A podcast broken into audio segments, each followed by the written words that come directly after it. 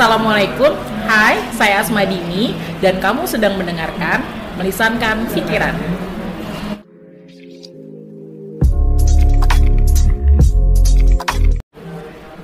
Daripada nambah pikiran, mending dibicarakan.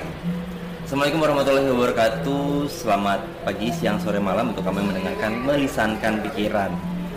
Dan setelah lama, ya kayak biasa, biasa melisankan pikiran nih, ini nih vakumnya lama gitu.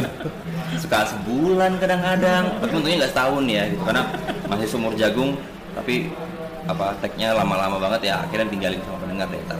Oke kembali lagi dengan host Gilang di sini gitu dan di belakang kamera sebenarnya di sini ada Evan juga. Halo Van, suaranya mana Van? Oke jadi hari ini sebenarnya udah ada sosok istimewa di sebelah kita gitu ya di sebelah kiri saya gitu. Subhanallah. Assalamualaikum. Waalaikumsalam. Nah, jadi uh, teman-teman di sebelah saya itu ada namanya Mbak Dini. Nah, nama lengkapnya Asma Dini. Asma Dini Handayani Rahma. Asma Dini Handa- Handayani Rahma. Gitu. Biasanya dipanggil Mbak Dini ya? Dini. Dini biasanya. Nah, kebetulan hari ini tuh kita ngebahas hal-hal yang motivasi karena sebenarnya uh, kita ngelihat bahwa Indonesia sekarang lagi uh, less motivation gitu Mbak posisinya. Uh, ditambah kemarin udah merdeka nih kita di bulan eh di bulan lalu ya Agustus Iya, bulan- gitu bulan kan. kemarin Agustus. ya bulan Agustus kemarin kita udah merdeka tapi kemudian banyak isu-isu yang kemudian mem- membuat kita tuh sebenarnya jadi pesimis lagi gitu loh. Banyak segala macam hal yang ngebuat kita jadi ngerasa yakin gak sih Indonesia uh, bisa maju atau bisa berkembang? gitu. Tambah tahun depan akan krisis global ya, ya isunya ya. isunya krisis global. Tapi kemudian gini tema kita hari ini bahas teman-teman adalah berkaitan sama kamu mampu kalau kamu mau ya nggak mbak? Ya. bener kan ya Kalau- Oke. Kalau kamu mau pasti mau. pasti mampu lah ya gitu ya nah em, sebenarnya ini ngobrol-ngobrol santai karena biasa eh, kebetulan juga teman-teman kita juga satu eh, eh, saya sama mbak Dini ini satu profesi gitu ngajar juga terus nulis juga ya em, latar belakangnya sebagai pendidik gitu ya sebagai pendidik.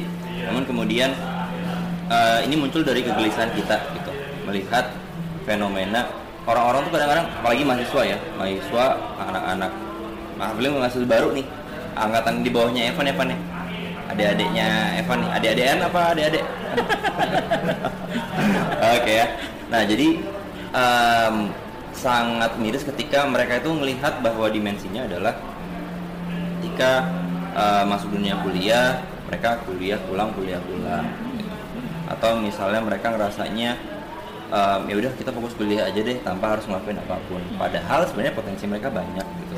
Nah menurut mbak Dini fenomena kayak em, apa namanya orang-orang atau misalnya maba-maba yang seperti ini gimana sih mbak? Maba-maba yang kurang termotivasi gitu padahal mereka mampu gitu. Oke, oke. Eh, aku jawab nih ya. Jadi sebenarnya aku ngaku dulu ya. ngaku dulu bener ngaku bener, dulu ya. Takutnya ntar, ntar aku udah ngomong macam-macam terus ada temenku yang ngedengar terus dia bilang ah enggak kok dia dulu gak kayak gitu, gitu kan bahaya ya. Jadi dulu sebenarnya memang saya juga waktu kuliah eh, mahasiswa kupu-kupu ya anak zaman dulu zaman dulu tuh ngomongnya kayak gitu mahasiswa kupu-kupu. Jadi mahasiswa kupu-kupu tuh mahasiswa yang kuliah pulang kuliah pulang. Dulu karena anak kos tuh seru banget. Jadi kalau ketinggalan berita dari anak kos tuh takutnya gimana gitu Hmm, dulu. dulu. Nah, eh, tapi tapi walaupun saya kuliah pulang kuliah pulang nggak ikut eh, kegiatan di kampus, tapi saya eh, ikut banyak pekerjaan. Nah, dari hal eh, dari beberapa pekerjaan itu saya rasakan tuh sekarang eh, bermanfaat banget. Nah, artinya artinya eh, kita tuh jangan cuman jangan cuman kuliah doang, tapi juga harus menambah sesuatu pada diri kita jadi nilai plus. Untuk apa? Nggak ada tuh eh, semua kegiatan yang kita lakukan tuh nggak ada gunanya di masa depan. Nah, dan itu saya rasakan banget sekarang. Apa pun itu nggak kan eh, tidak hanya terpatok pada harus organisasi gitu kali ya. Maksudnya gitu kali ya. Iya. jadi nggak harus nggak harus ter- tapi setidaknya ada kegiatan lain yang kira-kira akan menam- akan memberikan nilai plus pada diri kita nanti. Dan itu saya rasakan banget. Semua yang sudah saya lakukan dulu gitu ya sekecil apa pun itu saya rasakan sekarang tuh ada manfaatnya untuk kehidupan saya. Apa pun itu. Hmm, gitu ya saya pernah pernah SPG-an walaupun bukan SPG rokok ya. pernah SPG waktu itu uh, jaga pameran Oh, gitu ya. pameran. Tapi itu kan jadi saya rasakan oh jadi saya bisa ngomong sama orang lain yang belum pernah saya kenal gitu kan. Terus habis itu saya juga pernah ngajar les. Tadinya saya nggak punya cita-cita jadi dosen kayak Hmm. sekarang, tapi saya rasakan oh gitu ya caranya ngajar les gitu. Hmm. Akhirnya jadi jadi manfaat juga buat sekarang. Terus saya pernah eh, apa namanya jadi tour guide. Dan itu juga saya rasain gitu. Akhirnya saya pernah, akhirnya saya eh, ketika eh, me- me- apa ya menceritakan sesuatu tempat jadinya kayak promosi. Hmm. karena terbiasa di itu walaupun tour guide-nya juga nggak lama ya sebentar tapi setidaknya itu bisa saya rasakan. Nah itu yang tadi saya bilang bahwa apa pun kegiatannya selama dia positif saya yakin itu pasti akan bermanfaat untuk dirimu ke depannya kalau saya yang saya rasakan itu Eh, tapi jangan ditiru yang kupu-kupu tadi Ya, gue tadi nah, ini ya apa namanya? Anak sekarang kayaknya nggak bisa ya? Kayaknya nggak bisa, kayaknya harus aktif. itu yang nilai minus ya beda sih. Nah, jadi ini teman-teman eh, ngomong-ngomong eh, Mbak Dini ini kalau misalnya di kampus biasanya dipanggil Bu Dini Iya. ya gitu kan. Nah, jadi Mbak Dini ini eh, sebenarnya aslinya adalah orang Samarinda. ya Ya, orang betul. Samarinda tapi merantau gitu. Dan makanya dia bisa jadi tour guide ya Mbak, Betul. bisa jadi SPG tapi bukan SPG rokok, Iya. kan ya. Jangan ada ya. yang nawar-nawar. jangan membayangkan yang Membayangkan tidak ya gitu ya. nggak saya masih pakai jilbab SPG ya dibikin SPG rokok, jangan Iya. sampai. Terus uh, dulu sempat jadi guru les juga gitu. sempat nah, Dan di Jogja mbak ya. di Jogja semua Nah, nah ini mbak ngomongnya soal ini kan masih relate sama Hmm. apa yang kita bicarakan gitu. Uh, kamu mampu kalau kamu mau gitu. Em, dulu mbak berpikir untuk kuliah di luar atau misalnya meninggalkan kota kelahirannya Hmm. itu emang kemauan sendiri kah atau terpaksa kah atau gimana? Oh, enggak kalau kalau itu dulu eh, diarahkan orang tua ya Hmm. jujur aja karena orang tua saya kan dari kakek kuliahnya di Jogja. Eh, eh, jadi pergi ke Jogja tapi memang eh, ketika kuliah tuh sebenarnya yang saya mau cuman eh, gimana caranya saya kuliah nggak yang eh, hafalan udah gitu doang jadi nggak ada nggak ada pikiran mau gimana tapi memang orang tua bilang "Eh, kamu saya kasih modal ini Hmm. kuliah di luar eh, saya harap kamu bisa memanfaatkannya untuk pergi lebih jauh dari ini. Saya ingat banget orang tua saya ngomong gitu.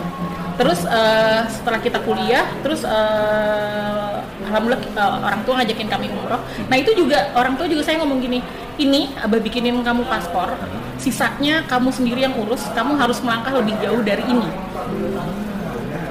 karena memang orang tua saya tuh ngasih nama saya kan NH apa eh, Dini ya. Iya. Jadi memang eh, Abah tuh dulu suka baca eh, karangan buku karangannya NH Dini. NH Dini, ya, NH Dini ya. Nah, NH Dini kan tinggalnya di Perancis ya. Hmm, nah, beliau bilang gini, "Eh, dulu ap- apa Abah ngasih nama kamu Dini itu karena Abah pengen kamu tuh sejauh itu gitu Ah, jangan sampai ada di sini. Nah, jadi memang orang tua tuh nyekolahin keluar karena memang dari kakek sudah Hmm. kuliah di Jogja, ayah kuliah di Jogja. Terus eh, sama itu supaya kamu tuh jangan di sini aja, jangan terpaku sama eh, apa namanya zona nyaman Zona ya kalau anak-anak zaman sekarang ngomong ya, zona nyaman ini. Jadi kamu kita keluarin. Nah, silahkan sisanya kamu harus melangkah lebih jauh dari ini. jangan sampai kita jadi ja- ja- cuma jago kandang. Iya, benar. Tapi di balik ini juga Mbak, eh, kalau misalnya kadang-kadang ada tuh yang kayak tadi Mbak Dini, Hmm. ibaratnya dapat keistimewaan yang privilege, Hmm, iya, ibaratnya iya. privilege untuk bisa dibiayain gitu. Iya, betul. Tapi banyak uh, teman-teman di luar sana, saya nggak mau sebut siapa gitu Betul. ya, tapi mereka udah dibiayain nih, didukung gitu ya. Tapi pada akhirnya nggak mau ngambil kesempatan itu. Betul, ada. Nah, Apalagi kayaknya anak-anak sekarang banyak yang kayak gitu ya. nah, iya lebih sih. suka su- lebih suka guling-guling nggak sih Lebih suka guling-guling, goler-goleran di kasur. Goler-goler gitu. Nah, Mbak, uh, sebenarnya fenomena yang kayak gitu tadi tuh ada nggak sih Mbak apa faktor-faktor yang mempengaruhinya atau misalnya kok bisa gitu mereka tuh udah dikasih privilege dulu Hmm. tapi kok sampai sayang banget nggak diambil tuh kenapa sih? Oke, Biasanya. kalau yang saya perhatikan ya, biasanya anak-anak itu, eh, saya ngomongnya anak-anak kesannya ini banget ya. Ya, teman-teman. Ya, biasanya teman-teman itu eh, karena terlalu nyaman dan tidak mau keluar dari zona nyaman. Yang saya pegang sampai sekarang adalah ketika kamu sudah ada di zona nyaman, artinya kamu itu tidak akan berkembang lebih dari itu. Maka untuk bisa berkembang lebih dari itu harus keluar. Emang nggak enak, namanya keluar dari zona nyaman ya. Namanya keluar dari zona nyaman, emang pasti nggak enak. Tapi eh, kalau saya mau berkembang dari lebih dari ini ya saya harus keluar dari zona ini zona ini jadi memang eh, apa namanya itu yang saya pegang sampai sekarang pokoknya kalau saya udah merasa nyaman saya harus pergi dari sini gimana pun caranya maksudnya gimana pun langkahnya ya maksudnya tetap harus pergi dari situ nah kalau saya lihat anak-anak sekarang tuh eh, ya itu mungkin karena anak-anak sekarang saya ini ya nggak bisa ngejudge ya cuman kadang-kadang ngelihat adik sepupu Iya. ngelihat adik adik sendiri gitu kan anak-anak sekarang sudah terbiasa untuk duduk diam me- megang gadget dan dia sudah bisa uh, mendapatkan uh, apa namanya informasi sejauh mungkin yang dia mau gitu kan. Nah kalau kita kan dulu kalau mengerjain tugas aja harus ke perpus, harus cari bukunya, harus beli bukunya, harus bergerak. Iya, nah benar-benar. kalau sekarang tuh dia tanpa bergerak dia bisa dapat bisa dari gadgetnya doang bisa Gitu. keliling dunia Nah, artinya eh, dia lebih nyaman lagi dengan keadaan Hmm. itu. Nah, ketika dia nggak punya motivasi, Ya. eh, nggak punya nggak punya apa ya, nggak punya cita-cita dan Ah. impian, akhirnya ya dia diam aja di situ. Yang saya pikirkan itu ya, yang Hmm. yang saya rasa, saya perhatikan sepertinya seperti itu. Gitu. Nah sebelum kita lanjut ngomongin Hmm, mbak, uh, kita ini kebetulan juga ngomongin soal di luar tadi ya. Kita Hmm. keluar dari zona nyaman. Sebenarnya kita juga keluar dari zona nyaman kita. Biasa saya di episode yang lalu, dua episode yang lalu itu di kafe yang sama, ya nggak Pan? Oh iya. di kafe yang Oh sama iya. kemarin. Tapi Iya. ini keluar zona nyaman, kita cari kafe yang lain. Oh. Gitu ya, karena ya kita belum punya studio, Oh, gitu iya. ya kan. Jadi penulisan pikiran belum punya studio. Mudahan suatu saat Amin, amin, bisa amin, amin, amin. punya studio. Gitu. Balik lagi mbak. Eh, eh btw kita ini lagi di Setro, Setro Cafe. Cafe, ya, di Samarinda di daerah Serat Halman. Halman ya. Jadi teman-teman kalau misalnya mau ngopi boleh gitu ke, ke sini gitu ya. Eh, cozy juga, nyaman juga. Enak buat nugas. Enak buat nugas sih karena mahasiswa juga ternyata banyak di sini. Anak banyak colokan kalau Banyak kata colokan, iya benar ada colokannya banyak ternyata. Iya, benar. Oke. Nah, eh, lanjut ngomongin soal tema kita. Gitu. Eh, kamu mau, eh kamu mampu kalau kamu mau. Gitu. Eh, Sebenarnya ini kalau misalnya kita lihat tadi sempat kita ngomongin di belakang mbak ya maksudnya ini di awalnya tuh mau temanya adalah hebat berkemauan gitu. Seseorang itu bisa jadi seseorang yang hebat asal dia mau. Nah kemudian kan itu kayak cenderung kayak slogan gitu ya slogan Hmm, pemerintah iya, gitu iya, ya iya. Slogan partai. slogan partai gitu ya nah akhirnya diubah jadi begini gitu. nah eh, mbak ini nggak sih maksudnya kalau misalnya kita ngomongin soal mampu dan mau Hmm. sebenarnya kan eh, ada orang yang mampu dari segi finansial atau misalnya dari segi fisik Hmm. dari segi keuangan dan lain sebagainya itu mampu. Tapi nggak mau. Hmm. gitu. nggak mau untuk maju gitu. Tapi di sisi lain ada orang yang mau. Tapi eh, secara finansial secara fisik nggak mampu. Nah kira-kira itu gimana ya hubungan antara kedua ini tuh yang balance atau ideal seperti apa sih mbak? Yang balance. yang yang ideal maksudnya yang eh, ada nggak sih peluang misalnya dari yang orang-orang yang tadi nggak Nggak mampu. karena ada kemauan Hmm. akhirnya bisa ngejar kemauannya tadi Ah, oke. atau yang tadi orang-orang yang em, mampu secara finansial atau secara apa pun dan eh, tapi dia nggak punya kemauan ibaratnya kita motivasi deh mbak Hmm. Eh, itu gimana sih sebenarnya sih kalau yang saya pikir ya eh, harusnya mungkin mau kemudian mampu Hmm. gitu nggak sih atau ya mampu sih bukan mau? mampu dulu atau mau karena gini mbak ya orang privilege sekarang kan mereka mampu iya sih Iya, kan iya, kalau iya, misalnya iya. mereka mau, mereka bisa jadi apa pun. iya betul mau kuliah di luar negeri di mana juga bisa ayo gas gitu kan. Nah, sekarang kan em, dua hal itu sebenarnya 50-50 gitu. Mhm, mhm, ya kan? mhm, Tidak semua orang kemudian punya kemampuan yang sama, Mhm. tapi punya kemauan. mhm, Tapi di sisi lain ada orang yang kemauannya besar tapi nggak mampu. mhm. Nah, itu gimana mbak? benang merahnya sebenarnya kayaknya mimpi kali ya Hmm, ya, mimpi. punya mimpi nggak dia walaupun dia punya privilege tapi dia nggak punya mimpi kita bisa lihat aja kalau apa ada beberapa orang yang punya privilege banyak tapi dia benar-benar nggak ngapa-ngapain dan akhirnya jadi jadi seseorang yang cuman orang tuanya inginkan aja banyak gitu kan. Tapi ada juga yang eh, seenggak mampu itu eh, seenggak apa nggak mampu untuk eh, mewujudkan keinginannya tapi karena dia saking maunya terus dia bekerja keras entah itu apa jalannya akhirnya dia mampu untuk jadi orang yang melampaui batas seharusnya gitu kan. Kalau saya sih kayaknya kekuatan mimpi ya. Kekuatan mimpi. saya pernah eh, ngomongin ini dan saya nggak tahu ya anak itu termotivasi dari obrolan kami waktu itu atau bagaimana jadi saya punya mahasiswa dulu Mhm. Eh, dia tuh waktu kuliah dari semester 1 sampai semester 5 kan kita sebagai dosen ngerti lah ya. Soalnya nih anak kira-kira kemampuannya sejauh apa tuh kita apa? tahu kan Hmm. bisa ngeliat lah da- da- dari ke, dari apa namanya cara dia belajar Hmm. terus habis itu nilai-nilainya kalau saya lihat sebenarnya dia tuh rata-rata aja. Hmm. dibilang mampu banget juga enggak. Cuman ya rata-rata lah gitu. Yeah. nah kemudian suatu hari saya pernah cerita tentang mimpi gitu eh, di kelas. Karena saya waktu itu ngajar pengantar manajemen. Terus eh, bukan pengantar manajemen kuliah apa ya waktu itu ya? Pokoknya tentang mimpi lah gitu. Hmm. Eh, terus eh, si akhirnya kita cerita cerita. Terus saya bilang eh, apa namanya tentang beasiswa segala macam gitu ya. Nah yang saya tahu anak ini tuh dari eh, apa namanya dari daerah terpencil. Maksudnya daerah terpencil tuh dari sebuah daerah di Sumatera. Kemudian itu masih masuk lagi. Kalau di sini tuh mungkin kabupaten eh, apa ya kabupaten kecamatan ya. Ya kabupaten ya, kabupaten gitulah. Setelah kalau di sini mungkin kayak di mana? Eh, bukan Sangatta sananya Sangatta gitu. Kali orang Oh, kali atau apa Bengawan ya. gitu-gitu kali ya. Istilahnya tuh gitu. Nah si anak semenjak kita cerita-cerita waktu itu sebenarnya saya juga nggak punya pengalaman untuk dapat beasiswa Hmm. tapi entah kenapa dia tuh keras jadinya bu saya pokoknya habis ini mau keluar negeri saya mau mau eh, apa namanya mau mewujudkan bahwa saya tuh sebenarnya bisa kok saya nggak bisa saya nggak kayak gini-gini aja Iya. beneran dia itu langkah awalnya adalah pertukaran pelajar YSLI W- YSLI ya Oh, ya YSLI, ya. saya ingat banget masih saya, saya itu ke YSLI ke India Padahal kalau dilihat kemampuan itu teman-teman yang lain lebih mampu, Lebih mampu. gitu. Maksudnya kalau dari dari ini ya dari Iya. dari kemampuan belajar ya teman-temannya lebih mampu. Tapi karena dia ingin dan dia cari terus, Hmm.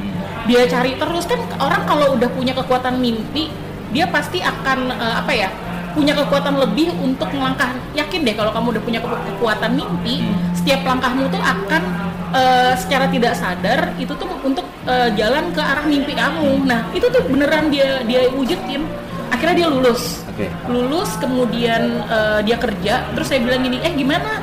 Eh, jadi nggak? Kamu mau keluar? Gitu. Iya bu saya mau kerja dulu. Sambil kerja saya sambil mau belajar gimana caranya saya bisa dapat beasiswa LPDP saya ingat banget. Akhirnya eh, singkat cerita gitu ya sekarang dia udah di Hungaria yang saya lihat tuh saya udah lama ya nggak ngobrol terakhir kemarin ngobrol waktu orang tuanya meninggal di Hungaria eh, apa namanya eh, kerja prakteknya itu saya lihat kayaknya udah ke World Bank di Citibank dan seterusnya Oh. pokoknya hal-hal yang selama ini mungkin tidak pernah kita pikirkan Mhm. dan itu jadi kebanggaan kami termasuk kebanggaan prodi pada saat itu maksudnya dari anak yang biasa aja Iya.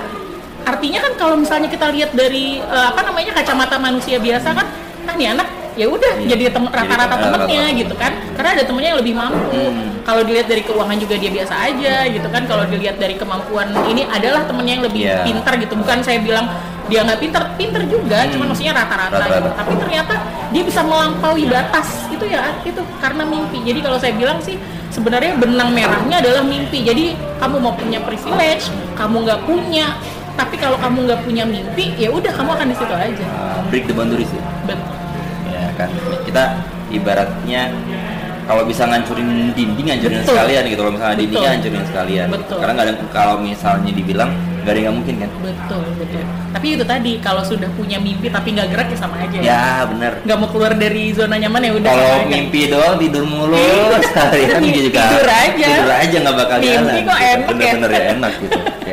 nah em, aku juga punya pengalaman sama gitu, Mbak. Hmm, dalam artian hmm. ini eh, mungkin nanti mbak Dini bisa nambahin juga dari Hmm, pengalamannya hmm, gitu ya hmm. nah, kalau aku sendiri dulu pernah juga aku pernah kepikir gara-gara sebenarnya aku kan jurusannya hubungan internasional gitu Hmm, ya hmm. hubungan internasional yang kemudian mengharuskan bukan bukan mengharuskan paling enggak itu ada pengalaman internasional oh, oh, oh, Nah. wajib ya kalau di Uh, bukan wajib ya jadi kayak sebuah kebanggaan sih mbak Oh, ada iya.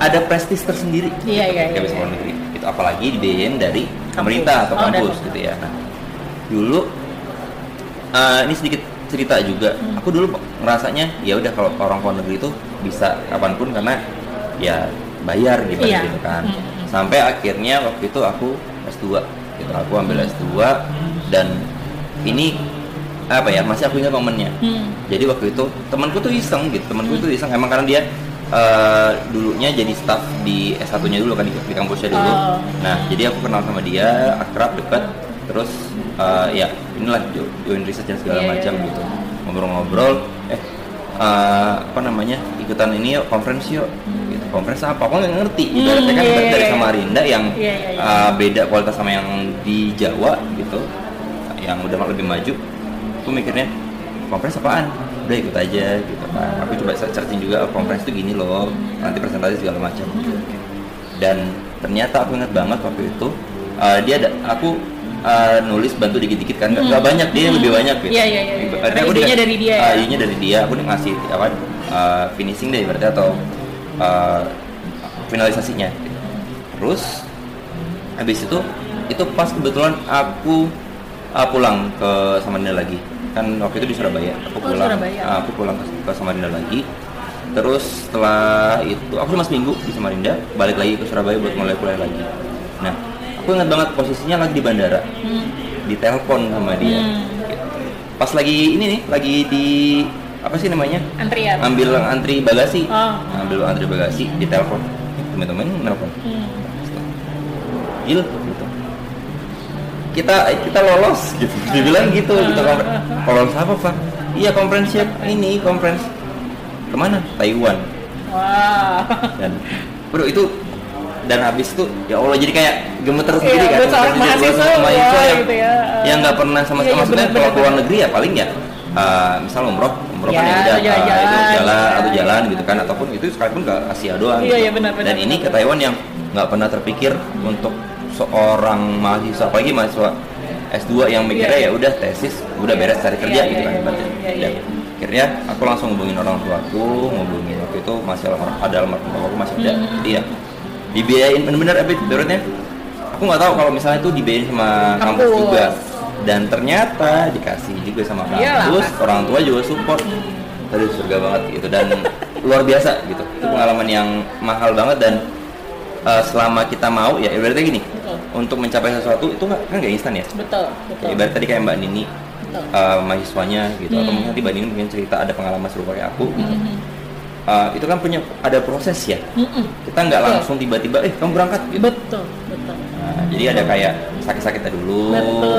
begadangnya dulu Betul, ya kan? nangisnya nangisnya dulu. dulu sampai akhirnya bisa ke sana nah kalau Mbak Dini ada punya pengalaman serupa nggak sih Kalau aku sih eh, pengalaman yang persis kayak gitu tadi nggak ada ya. Cuman maksud eh, kalau aku tuh biasanya yakin bahwa setiap yang aku gimana ya? Jadi biasanya gini, eh, setiap awal tahun sama ya kayak anak-anak muda zaman Ah. sekarang suka nulis. Nulis. Nah itu jadi nulis aku mau ngapain ya Hmm. sekarang gitu. Nah memang biasanya setiap tahun tuh eh, aku tulis apa aja yang aku mau baru aku centang. Jadi Hmm. aku udah tahu apa yang harus aku eh, apa namanya lakukan sekarang. Nah aku yakin dari tulisan itu eh, itu tadi aku yang seperti yang aku bilang setiap ada mimpi aku yakin setiap langkah yang kita lakukan pasti eh, secara nggak sadar tuh arahnya ke arah mimpi tadi. Karena beberapa kali kita akan eh, apa namanya eh, melihat tulisan itu kan. Iya. ya nggak sih? Jadi lihat tulisan oh aku mau ini. Jadi setiap ini setiap melangkah jadi nggak sadar ke arah tulisan itu. Nah kalau aku sih eh, untuk ke arah situ nggak ada tapi memang kadang-kadang eh, dapat aja ya Hmm. eh, ininya apa namanya langkahnya. Kayak misal eh, secara nggak sengaja tiba-tiba dapat Hibah. apa namanya? Bukan. Apa namanya? Eh, lecture exchange Ah, gitu. pertukaran. jadi aku pernah pernah per- pernah pertukaran dosen. Itu juga eh, tetap harus melakukan sesuatu sehingga akhirnya bisa dapat itu Bener gitu itu. kan. tapi kan eh, apa namanya? Aku dapetin itu juga memang harus usaha Iya, gitu. betul. tapi itu memang sebenarnya juga di luar dari keinginan. Cuman cita-cita cita-cita dasarnya adalah aku mau keliling Ah. kayak yang tadi orang takut bilang kan aku kasih kamu paspor kamu pergi sendiri Iya. nah yang kayak gitu tuh ah kok aku bisa dapat ini ya oh ini mungkin doa orang tua Doa orang tua juga. terus hasil dari usahaku tapi hasil dari usahaku tuh yang yang kalau yang ini emang nggak sengaja Ah. gitu gitu aja sih pokoknya intinya kalau aku eh, kalau misalnya memang aku mau dan aku sudah merencanakan maka aku tulis tuh biasanya langkah awalnya gitu jadi eh, alhamdulillah ini kayak yang tahun ini tuh alhamdulillah sudah berapa centangan ya alhamdulillah udah tiga kayaknya centangan dari besar 100 Enggak, enggak kok makin tua makin dikit ya. Ekspektasinya makin turun ya. Oke, makin oke. tua jadi nggak banyak sih, tapi setidaknya sudah ada tiga centangan tuh aja aku udah eh kok udah bisa, Bisa ya? ya? Beneran deh. Jadi walau eh, bulan Agustus kemarin tuh aku udah tiga loh. Aku bisa nggak kalau habis ini aku mau santai dulu gitu. ah, betul, Beneran deh, betul. mau santai dulu deh. Eh, karena nggak sengaja tuh udah tiga ya itu tadi karena aku yakin semua itu eh, ditulis nah ada juga mahasiswa yang sering cerita apa pernah cerita sama aku kalau dia pakai peta sama eh, Oh. ininya cita-citanya mau keliling dunia juga Dunia. kayak aku ceritanya keliling dunia kalau dia pakai peta digambarin sama dia ditulisin, Ditulisin gitu, ya. gitu kan ya. Nah, nggak kerasa bu tiba-tiba udah sampai sana gitu atau tiba-tiba tiba-tiba eh, dapat rezeki bisa ke sana kayak Mas Ah. Gilang tadi ya itu sih Iya, iya, kalau aku emang dasarnya sebenarnya mau keliling dunia Nah, sama mbak, aku juga mau keliling dunia. melangkah sejauh mungkin kok kayaknya eh, bukan nggak cinta Indonesia ya Iya. tapi kayaknya kayaknya ada apa namanya ciptaan Allah yang harus Allah aku lihat Kita lihat gitu Iya kan. sih? Kita jangan apa ya ngerasa Indonesia ini udah gede. Betul. Tapi sebenarnya kalau misalnya kita ada kan meme ya yang Iya, iya, banyak iya, itu iya. kita tuh cuma kecil ini Betul, gitu loh. kecil Kecil banget gitu.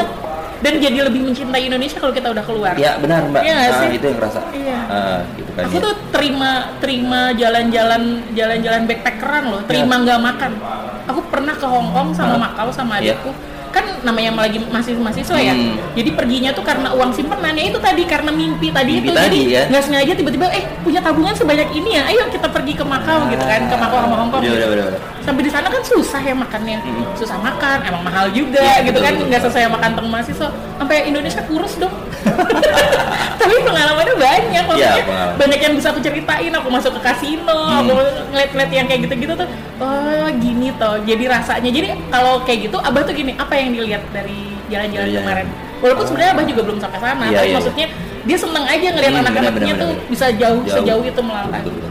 Nah, Mbak, ngomongin tadi soal kan sempat tadi Mbak singgung sedikit soal kita Hmm. bikin to-do list ya. Nah, to-do iya, iya, to-do list. Nah, dalam pemahaman kita gitu kan, Hmm. uh, berusia teman-teman yang mungkin yang belajar juga manajemen, Hmm. ada yang uh, rencana jangka pendek, jangka panjang, Ya. jangka menengah. Tapi ada juga yang namanya wacana, Mm-mm. ada rencana. Hmm. Ya kan bukan rencana ya, rencana. apa itu kalau itu ibaratnya eh, apa namanya ada list-list yang kita buat yang Ah. kemudian itu bakal kita lakukan dan sudah ada prosesnya. Oh, sudah ada itu namanya prosesnya. rencana. Kalau Oh. rencana kan baru planning ya. Iya. Kalau rencana rencana itu sudah Yang sudah ah, berproses. Sudah berproses, sudah kita jalankan. Nah, kalau ngomongin soal wacana, Hmm. udah berapa lama ngelakuin itu? Hmm. Dari tahun Lama ya? Dari kapan? semenjak kuliah kayaknya S1 Semenjak itu? kuliah. S1 Menjadi S1 ya Iya. sampai sekarang. Tahu gak sih aku tuh sampai sekarang masih nulis pengeluaranku loh Wow. setiap hari. Itu juga semenjak kuliah aku itu lakukan. juga harus ada kemauan. Iya, bener. semua orang bisa nulis tapi nggak nggak banyak orang yang nggak kayak akhirnya nggak mau Iya. gitu loh Kalau dulu tuh abah tuh nggak minta, Hmm. cuman eh, aku tuh sebagai anak kayak punya rasa tanggung jawab gitu loh. ya Jadi aku tulis terus akhir bulan aku rekap, aku kirimin ke orang tua beneran. Orang tuh ngapain kamu ngirimin gini? Nah akhirnya nggak aku rekap. Jadi kalau sampai sekarang tuh cuma jadi kebiasaan. Tapi aku jadi tahu sih, eh, maksudnya oh, pengeluaranku tuh keba- kebanyakan ke mana. Ya. Nah tadi makanya aku tanya kan Mbak Mbak Nini termasuk pengelolanya yang karena juga dosen manajemen ya, Kan. ya manajerial gitu loh ibaratnya Nggak, kita terus dasarnya statistik ya. statistik pula Hitungan gitu kan. banget. hitungan banget Lebih kepelit nggak sih? aku ngomong ya nah tapi gini eh, di antara semuanya em, ada nggak sih satu hal yang kalau bisa biasanya tuh orang kan mainstream nanya Hmm. mimpi terbesar yang nggak kesampaian Hmm. ada nggak sejauh ini uh, list yang mbak tulis gitu, Hmm. yang mbak tulis sejauh ini Hmm. yang emang bener-bener impian mbak banget Hmm. sampai akhirnya tercapai gitu yang dan sampai sekarang masih ingat Tercapai. Mm-mm. di antara list yang udah banyak yang paling berkesan deh yang atau yang paling apa uh, big dreamnya mbak Disneyland. wow Impian anak kecil banget ya. Ah. nggak tahu aku sampai di Disneyland ya itu tadi ke Hongkong Ya, tadi ya. secara nggak sengaja terus tiba-tiba kan eh, ya sampai kayak anak kecil lain lah ya tontonnya kartun. Saya juga sampai sekarang suka nonton kartun. Juga. sampai sekarang. Bisa ke bioskop sendirian buat nonton Ya, kartun ya, sendirian ya, tuh ya. bis- bisa gitu. Nah eh, ya impian salah satunya adalah suatu saat aku mau ke Disneyland ah gitu. Nah ya itu akhirnya yang paling deket Disneyland mana sih? Oh Hong Kong. Ya udah aku ke Hong Kong itu yang tadi aku cerita. Terus sampai di situ tuh cuman bisa nangis pas lihat dia pal kan dia setiap hari pawai penutupan ya ah, iya, iya. wow ini tuh yang selama ini aku lihat di TV gitu aja. Walaupun kan walaupun kan itu kan bentuknya uh, badut ya. Hmm, maksudnya betul, cuman cuman apa action figurnya ya istilahnya ya. apa sih? Pokoknya gitu deh. Tapi setidaknya tuh pas ngeliat itu oh ini tuh yang selama ini aku lihat dan aku impikan gitu aja sih. Ini ya nggak nggak kayak dosen-dosen lain ya. Mimpinya Disneyland loh. Iya. Dan wah itu luar biasa banget tuh maksudnya. Dan ini loh mbak kalau misalnya kita ngomongin soal mimpi kenapa kemudian aku nanya itu? Kadang-kadang kan orang-orang berpikirnya ini saking banyaknya to do list Sampai mereka bukan bukan cuma bingung. Mereka kayak ngera- nggak ngerasa eh, itu tuh mimpinya. Cuman sebagai Oh. ya hal yang harus dipenuhin gitu. Eh, Nah, kan beda sama mbak Dini akhirnya aku nanya oh ternyata punya. Gitu. Hmm.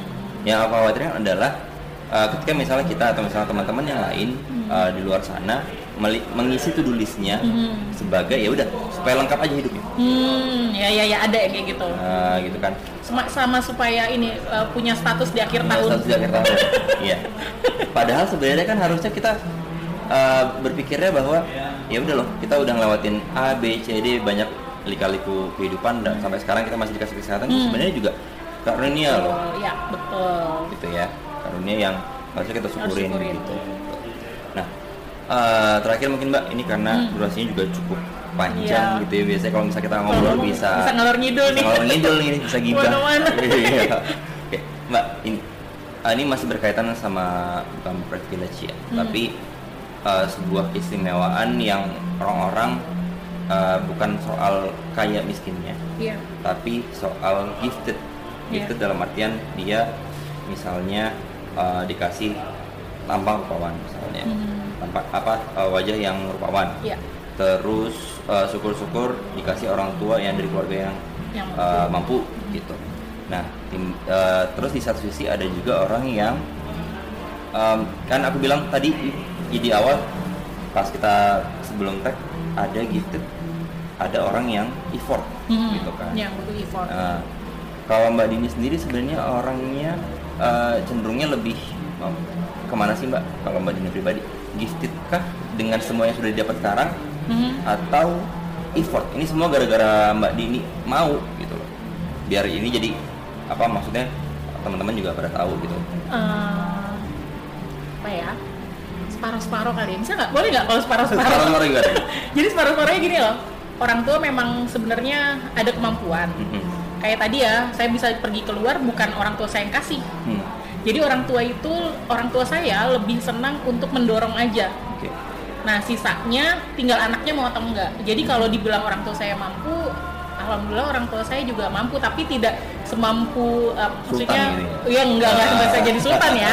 Tapi maksudnya untuk ngeliain anak mampu, untuk uh, apa namanya, tapi untuk bikin anak sampai jalan-jalan ke luar negeri ya enggak juga Enggak sebenarnya. Cuman ya itu tadi dikasih motivasi dengan cara obrolan yang santai kalau orang tua Ah, saya. iya, Jadi iya. kalau dibilang saya punya eh, apa effort atau gifted kalau saya sih separuh-separuh ya.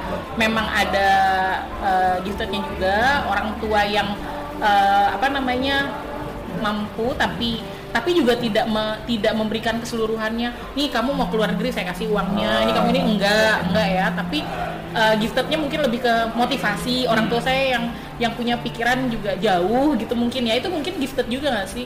Ya kan? Iya, bukan betul. hanya uang kan Hmm, tapi betul, betul. orang tua yang pikirannya luas yang bisa ngasih kita motivasi sejauh itu yang mungkin teman-teman yang lain nggak sampai kayak gitu Iya, gitu iya. kan. Itu menurut saya gifted juga. Nah effortnya juga ada Hmm. gitu. Ya itu tadi saya nabung. Saya tuh karena itu tadi perhitungan ya.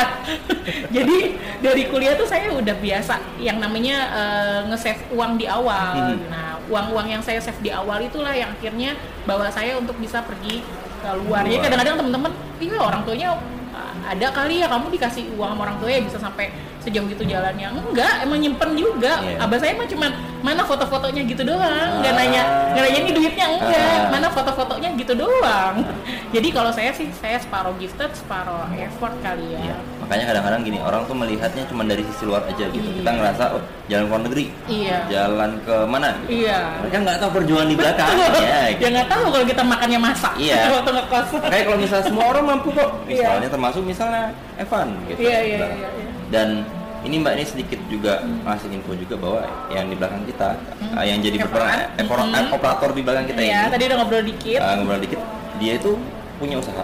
iya dia bilang Dia tadi punya usaha dan punya kan usaha itu eh, kemauan, kemampu, Betul. kemauan dan akhirnya jadi mampu kan. betul Gitu loh. Dan ini yang harusnya bukan apa deh berarti ya eh, menjadi motivasi sebenarnya buat sama-sama Betul. buat buat semuanya kalau misalnya nggak muda nggak tua Betul. semua punya kesempatan yang sama betul punya peluang yang sama Betul. dan punya kekuatan yang sama sebenarnya Betul. ya ya sih betul Ah. betul betul kenapa enggak Evan guling-guling aja kayak teman-teman yang lain Iya, bisa pergi ke loh. kafe pacaran Udah, gitu kan pacaran ya kan gitu di lebih asik Ah, daripada lebih asik ngurus daripada usaha ngurus ya usaha. nanti abis kuliah terus langsung cari kerja aja Ah. kayak yang standar biasa Ya. gitu. oh iya ada satu lagi Ah. Saya pernah eh, tapi ini eh, sebenarnya terlambat ya waktu S2 itu tuh ada dosen saya yang sampai sekarang juga saya pegang. Jadi dosen saya pernah bilang waktu S2 eh, kamu jangan jadi burung emprit tau gak sih burung emprit? Burung, Burung- gereja. yang Iya, iya, tahu, tahu, yang tahu. ke mana-mana bareng. Oke.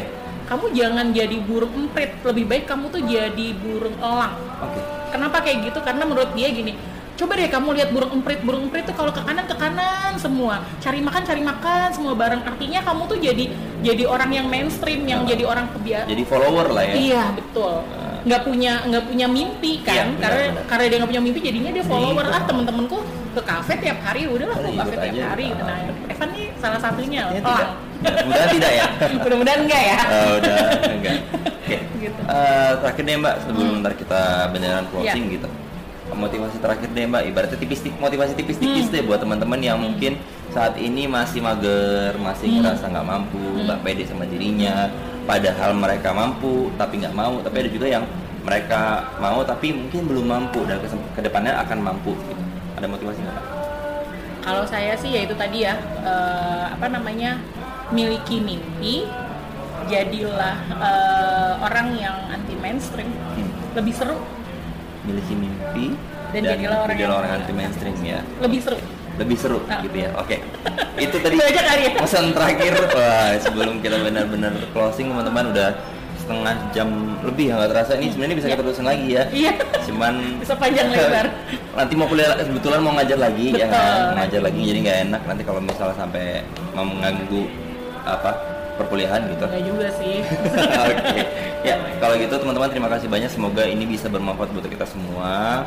Pada intinya sebenarnya memang melisan pikiran kita nggak akan lepas dari marwah kita, marwah kita sebagai uh, podcast atau senior yang tujuannya adalah berdakwah. Gitu. Hmm. Dakwah kita ya uh, bukan dakwah yang Islami banget, tapi setidaknya ada nilai-nilai yang kita berikan. Karena ya kita dia selalu sering dengar istilah orang yang paling baik adalah orang yang bermanfaat bagi yang lain. Termasuk ya siniar kita melisan pikiran ya. Emang semua orang punya pikiran. Mbak Mhm. Dini punya pikiran, saya punya pikiran, Betul. Evan di belakang juga punya pikiran. Tapi kemudian apa salahnya sih kita bisa bertukar pikiran? Betul, betul. Dari betul. kan tadi kan makanya daripada nambah pikiran mending Betul. dibicarakan. Betul. Gitu ya. Itu terima kasih teman-teman. Bilang pamit. Gini juga pamit. Evan di belakang juga pamit. Oke kata wassalamualaikum warahmatullahi wabarakatuh.